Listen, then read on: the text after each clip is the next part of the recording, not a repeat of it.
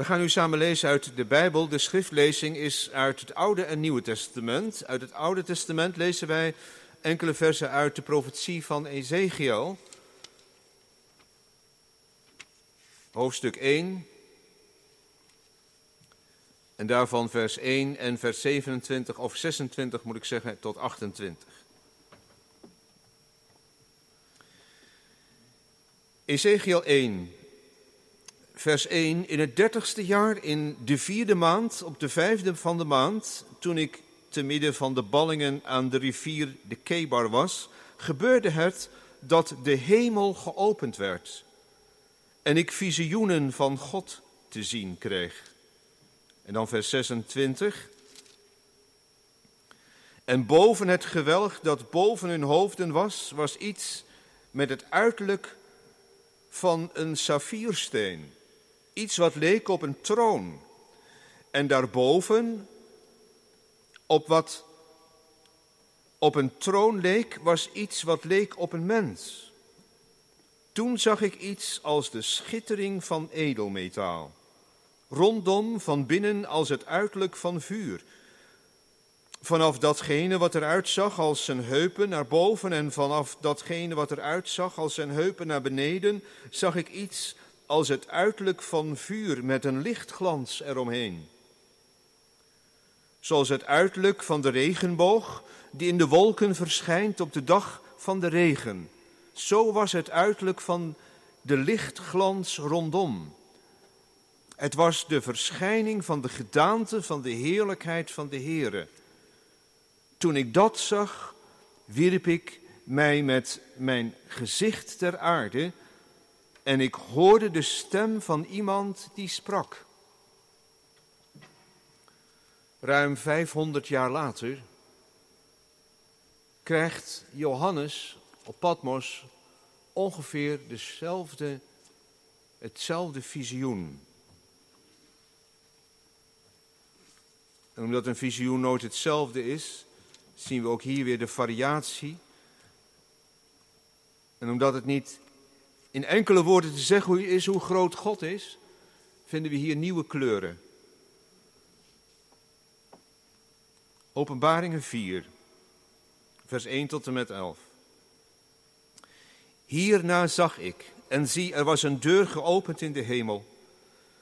En de eerste stem die ik als van een bazuin met mij had horen spreken, zei: Kom hier omhoog en ik zal u laten zien wat hierna moet geschieden. En meteen raakte ik in geestvervoering. En zie, er stond een troon in de hemel. En op de troon zat iemand.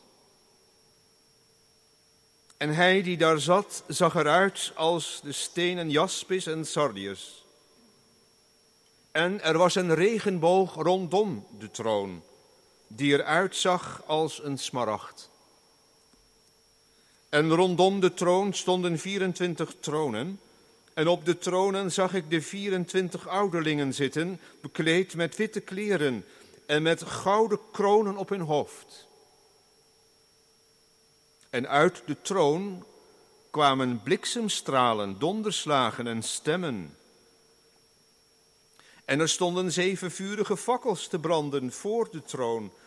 Dit zijn de zeven geesten van God. En voor de troon was een glazen zee als kristal. En in het midden van de troon en om de troon heen waren vier dieren, vol ogen van voren en van achteren. En het eerste dier leek op een leeuw. Het tweede dier leek op een kalf. Het derde dier had het gezicht als van een mens. En het vierde dier leek op een vliegende arend. En de vier dieren hadden elk voor zich zes vleugels rondom. Van, van binnen waren die vol ogen. Ze hadden geen rust en zeiden dag en nacht: Heilig, heilig, heilig is de Heere God, de Almachtige die was en die is en die komt. En telkens wanneer de dieren in heerlijkheid eer en dank brachten aan hem die op de troon zat en die leeft in alle eeuwigheid, wierpen de 24 ouderlingen zich neer voor hem die op de troon zat, aanbaden hem, die leeft in alle eeuwigheid en wierpen hun kronen neer voor de troon en zeiden, U bent het waard, Heere, te ontvangen de heerlijkheid, de eer en de kracht, want u hebt alle dingen geschapen en door uw wil zijn zij en zijn zij geschapen. Tot zover de lezing uit de Heilige Schrift. Dit is het woord van God, zalig die dit hoort en daar ook zich over verwondert en hem aanbidt en voor hem leeft. Thema voor de verkondiging is knielen voor de troon. Want zo staat het hier in de aankondiging. Maar het zal er ook een beetje naartoe gaan van samen knielen voor de troon. Gemeente van onze Heer Jezus Christus, hier thuis of waar of jij ook bent. Vivit. Hij leeft. Vivit.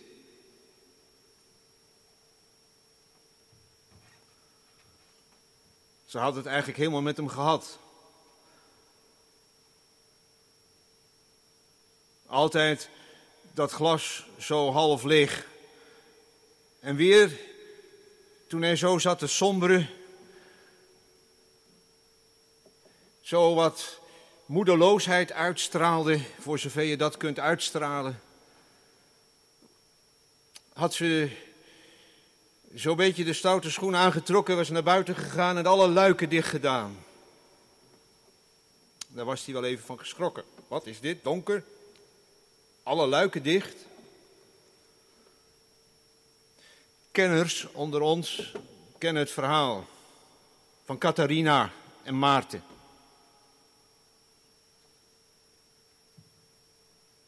En toen dat gebeurd was, toen Catharina de luiken van het huis had dichtgedaan en Maarten helemaal verbaasd was en vroeg, waarom doe jij de luiken dicht? Er is toch niet iemand gestorven? Want dat was toen de gewoonte, dat je dan de luiken dicht deed. Zei Catharina, de God van Maarten Luther is gestorven. Verbijsterd keek hij aan. Wat zeg je? God? Dood? Gestorven? Vivit! Hij leeft! Hij leeft! En dat was voor hem net even nodig om weer naar de toekomst te kijken vol hoop en vol verwachting. Hij leeft. Dat is een lijfspreuk geworden van Maarten Luther. Ook in de Lutherroos is dat later verwerkt. En Melanchthon heeft er nog aan toegevoegd. Et mortuus vivit. dat betekent eigenlijk, hoewel hij gestorven is, leeft hij toch. Jubelt het uit. Ja, we hebben het gezongen. Hij leeft. En we hebben met kerst gevierd dat hij geboren is. Alleen is wel wat gebeurd natuurlijk. Baby Jezus is groot geworden. Kind, man, gestorven, aan een kruis nog wel, maar opgestaan. Hij leeft. Dat is op deze tweede januari, de eerste zondag van het nieuwe jaar, onze hoop, ons uitgangspunt, onze verwachting dat Jezus leeft. Toch? Veel heil en zegen. Gelukkig nieuwjaar. Vivit. Jezus leeft. Die gestorven was, is opgestaan. Het is vandaag opstandingsdag. En we horen vanmorgen zijn stem dus op een nieuwe manier. Niet het kindje in de kribbe, maar de verhoogde Christus aan de rechterhand van God. Die op een heel bijzondere manier van zich heeft laten horen op dat eiland Patmos waar Johannes verbannen zat. Vanwege de vervolging van keizer Domitianus. En zich ook op een heel bijzondere manier laat zien. Maar nu gaat het vanmorgen niet om hoe hij eruit zag voor Johannes, maar om zijn stem. En die stem klinkt: Kom hierheen. Kom in het visioen. Ja? U ook? Jij ook? Waar zit je op de bank, thuis, aan de keukentafel? In het visioen komen. Want je zou kunnen zeggen, dit Bijbelgedeelte en de preek van vanmorgen is een soort reset van je ziel. Onze ziel, ja, die kunnen wij niet zien, maar door onze ogen, onze oren, wordt onze ziel gevuld. En er komen allerlei dingen van binnen en je ziel, die laat zien en daarin voel je wat er allemaal van belang is. Of waar je dan misschien interesse voor hebt. En vanmorgen een reset van je ziel. Om te zien naar de hemel. Om je te laten vullen met die heerlijkheid, die majesteit en die heiligheid van God. En dat ook bepalend zal zijn voor de rest van het hele jaar. Dit visioen. Dat je dat steeds blijft zien. Hierna zag ik. Hierna. Het woordje, dat geeft hier aan dat er nog iets vooraf is gegaan. Ja, vier brieven moest Johannes schrijven aan die gemeenten in Klein-Azië. Maar hierna zag ik en zie, er was een deur geopend in de hemel. En uh, voor de kinderen misschien even een beetje lastig, waar moet ik die deur nou uh, tekenen en zo? Misschien onderin of zo, ja, ik kijk maar even. Maar er was een deur geopend in de hemel. De hemel, ja, dat... Uh, als het daarover gaat, dan vinden we dat natuurlijk lastig, hè? Visioen, hemel. De eerste zondag van het nieuwe jaar over de hemel. Nou, de hemel, dat is niet zomaar een locatie. Boven de sterren zal het eens lichten. Maar de hemel is als het ware om de hoek. En met, uh, ja, misschien iets banaal gezegd, wat triviaal gezegd, van uh, je hoeft er niet eens het hoekje voor om te gaan. Je hoeft alleen maar even de andere kant op te kijken. Weet je, de hemel is zo dichtbij. Dat is net die andere dimensie. Een dimensie, dat is een andere bestaanswijze. Zo dichtbij dat je er zomaar in kunt kijken.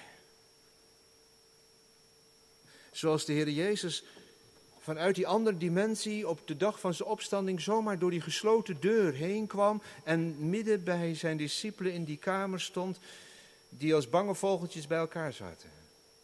De hemel is zo dichtbij, om de hoek, een andere dimensie.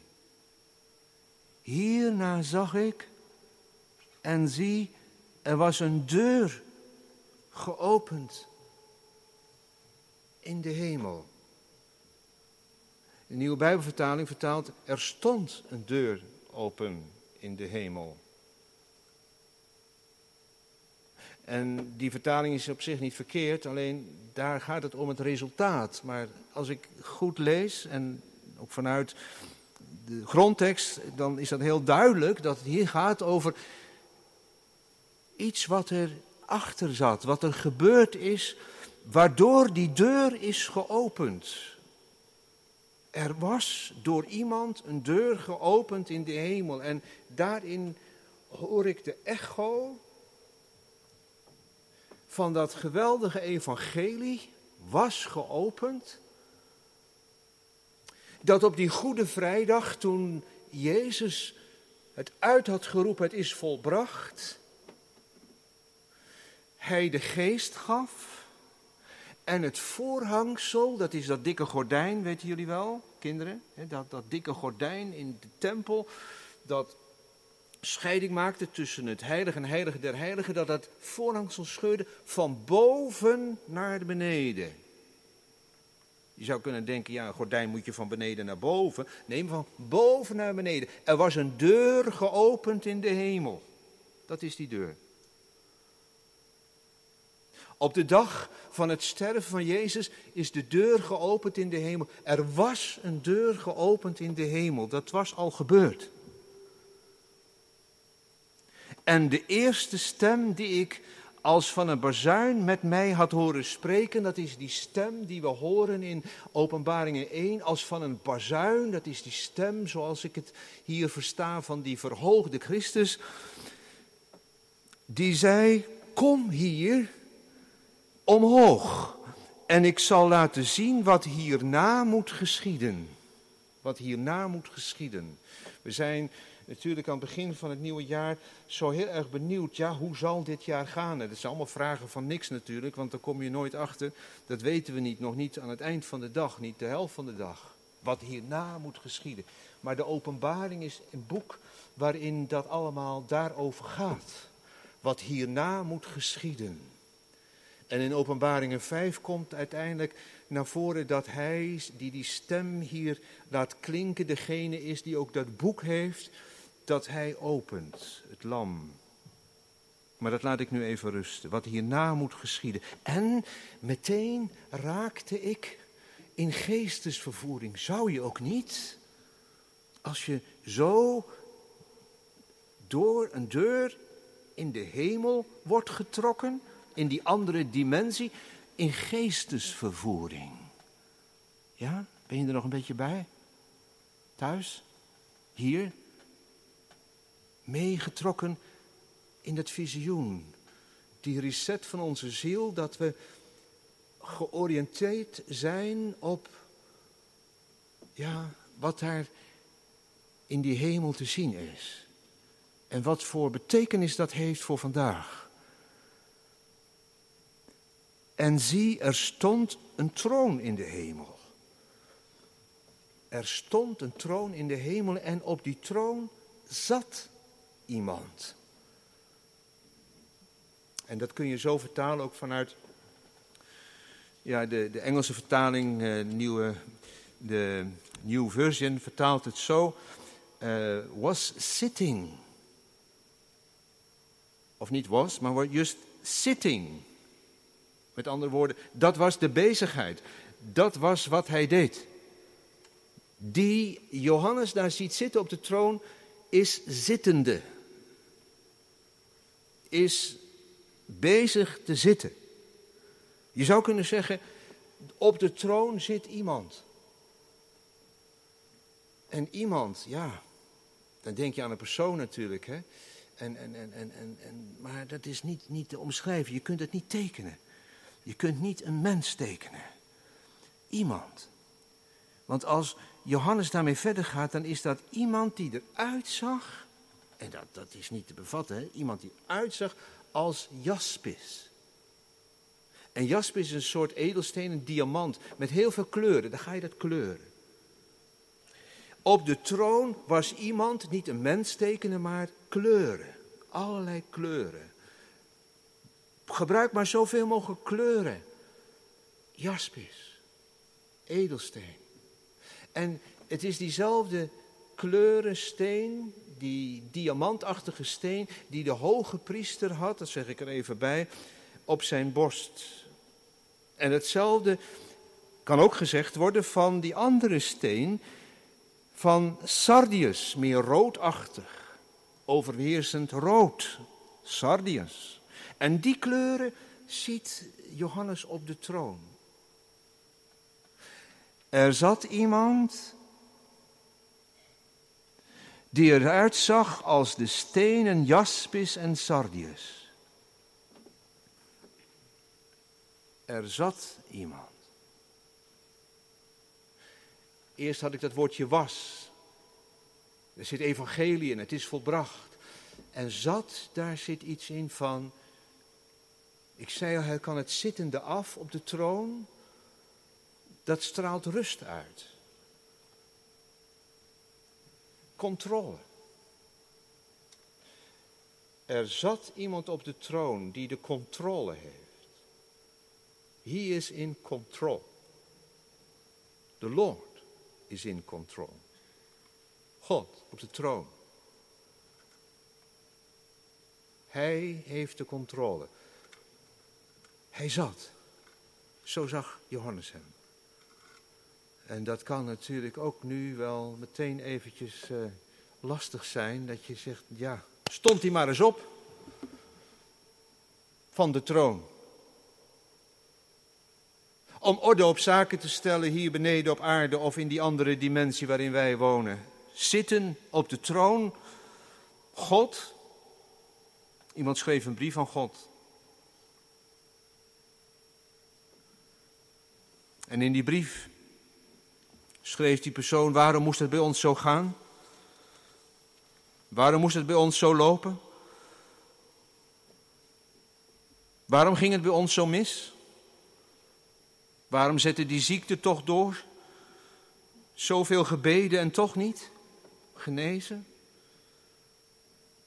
Sta op, ja. Mag je dat zeggen tegen God? Ja.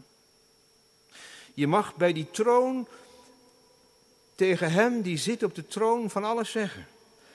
Ook dat je het helemaal niet ziet zitten.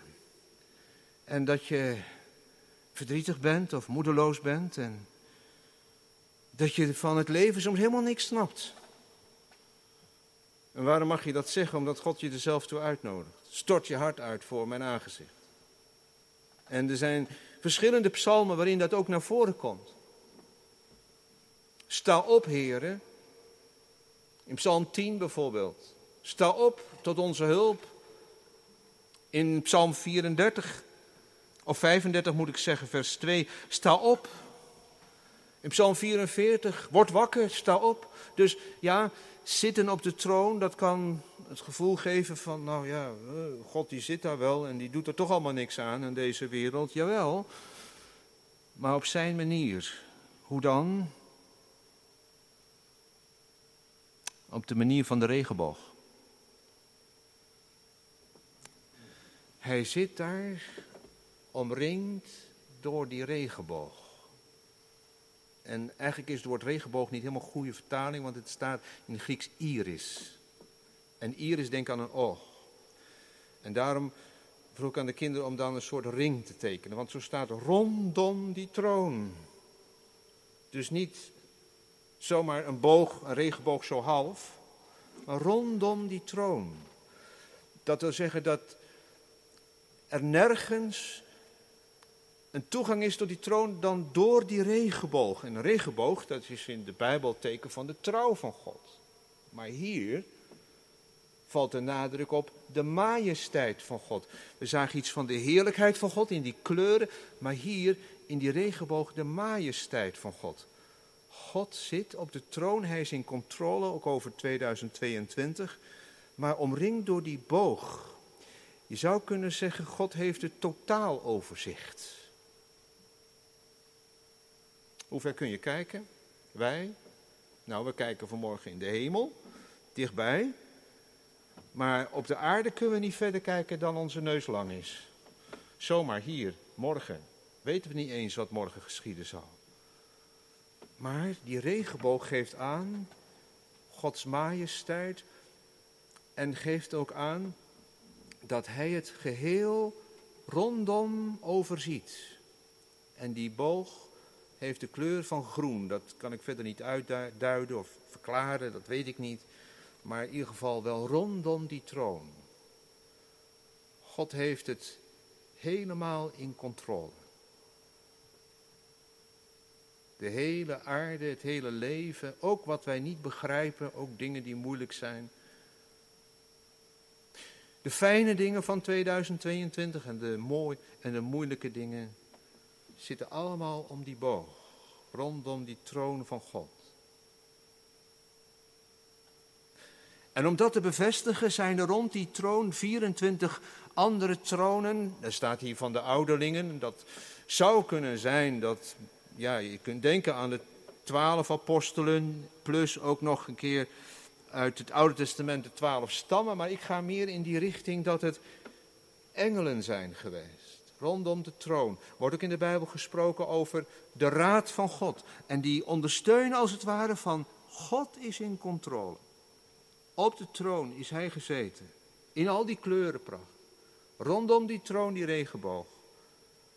God is in controle.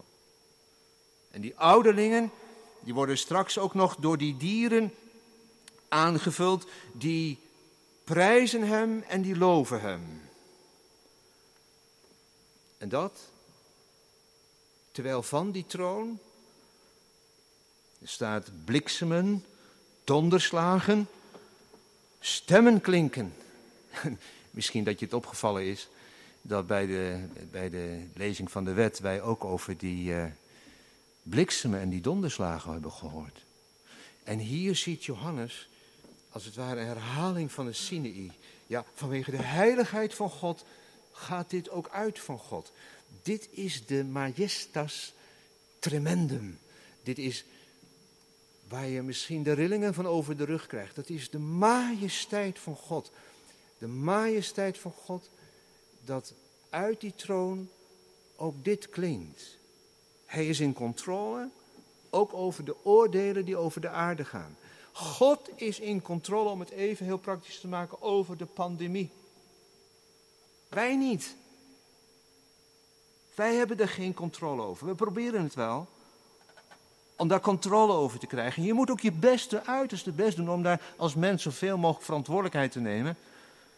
En van alles uit de kast te halen om dat eronder te krijgen. Maar donderslagen, bliksemen, stemmen, ook oordelen gaan uit. Maar ga niet zomaar uit. Het is de majesteit van God. Hij regeert. Ook over deze pandemie en alle andere pandemieën die nog kunnen komen. En daar is heel het boek Openbaringen vol van, van al die oordelen. Het loopt hem niet uit de hand. Geloven we dat? Dat is een troost toch, hè?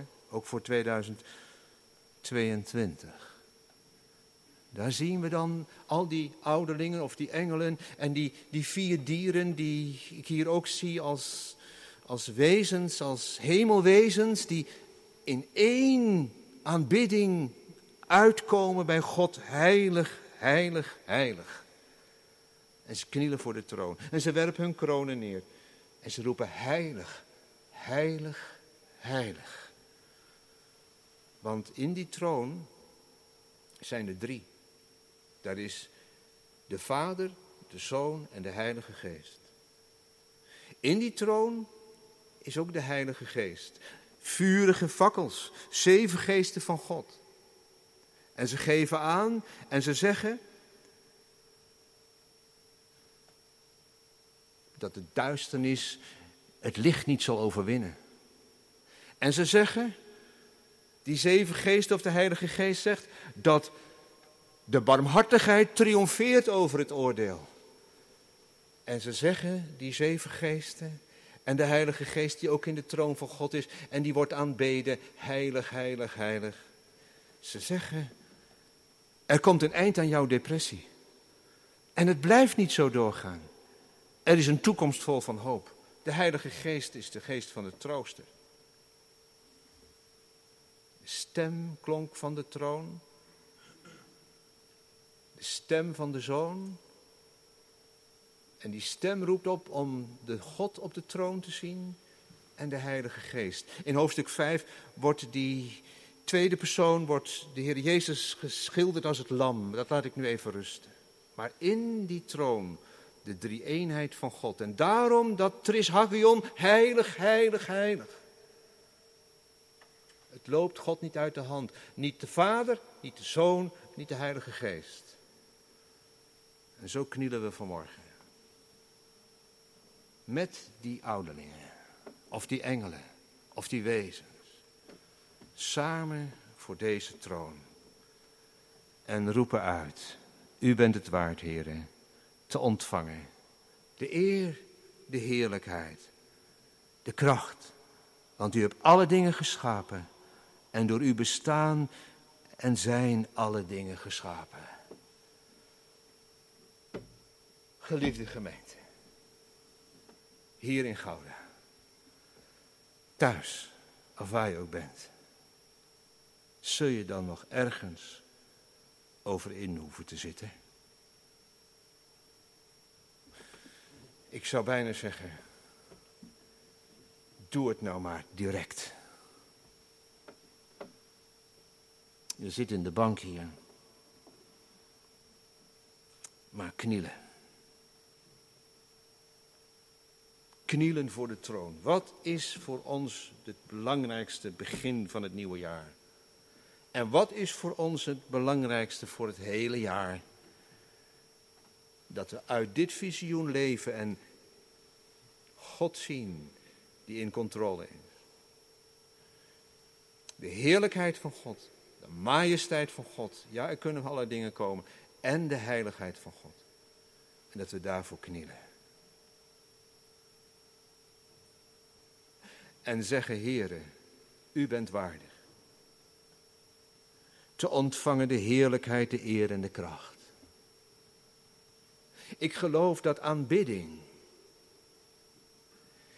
knielen in aanbidding de enige weg is om dit corona eronder te krijgen. Samen, samen bidden. En dat begint gewoon thuis. Als je man en vrouw bent, samen knielen. Gewoon knielen. Voor de troon, Heere God. Wij aanbidden u. Wij geloven dat u macht hebt over ons leven, ons huwelijk, ons gezin. Over mijn werk, over alles. Knielen met je kinderen. Ja, ik, uh, ik weet ook dat het natuurlijk allemaal zo gedoe kan geven en lastig kan zijn. Maar het zou ook zomaar eens even kunnen. Knielen.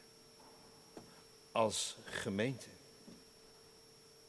En dat doen we natuurlijk hier ja, in gedachten misschien, maar ja, we hebben de knielbankjes eruit gehaald. Hè, van heel vroeger, maar zou wel goed zijn hè, om te knielen. In de kerkenraad.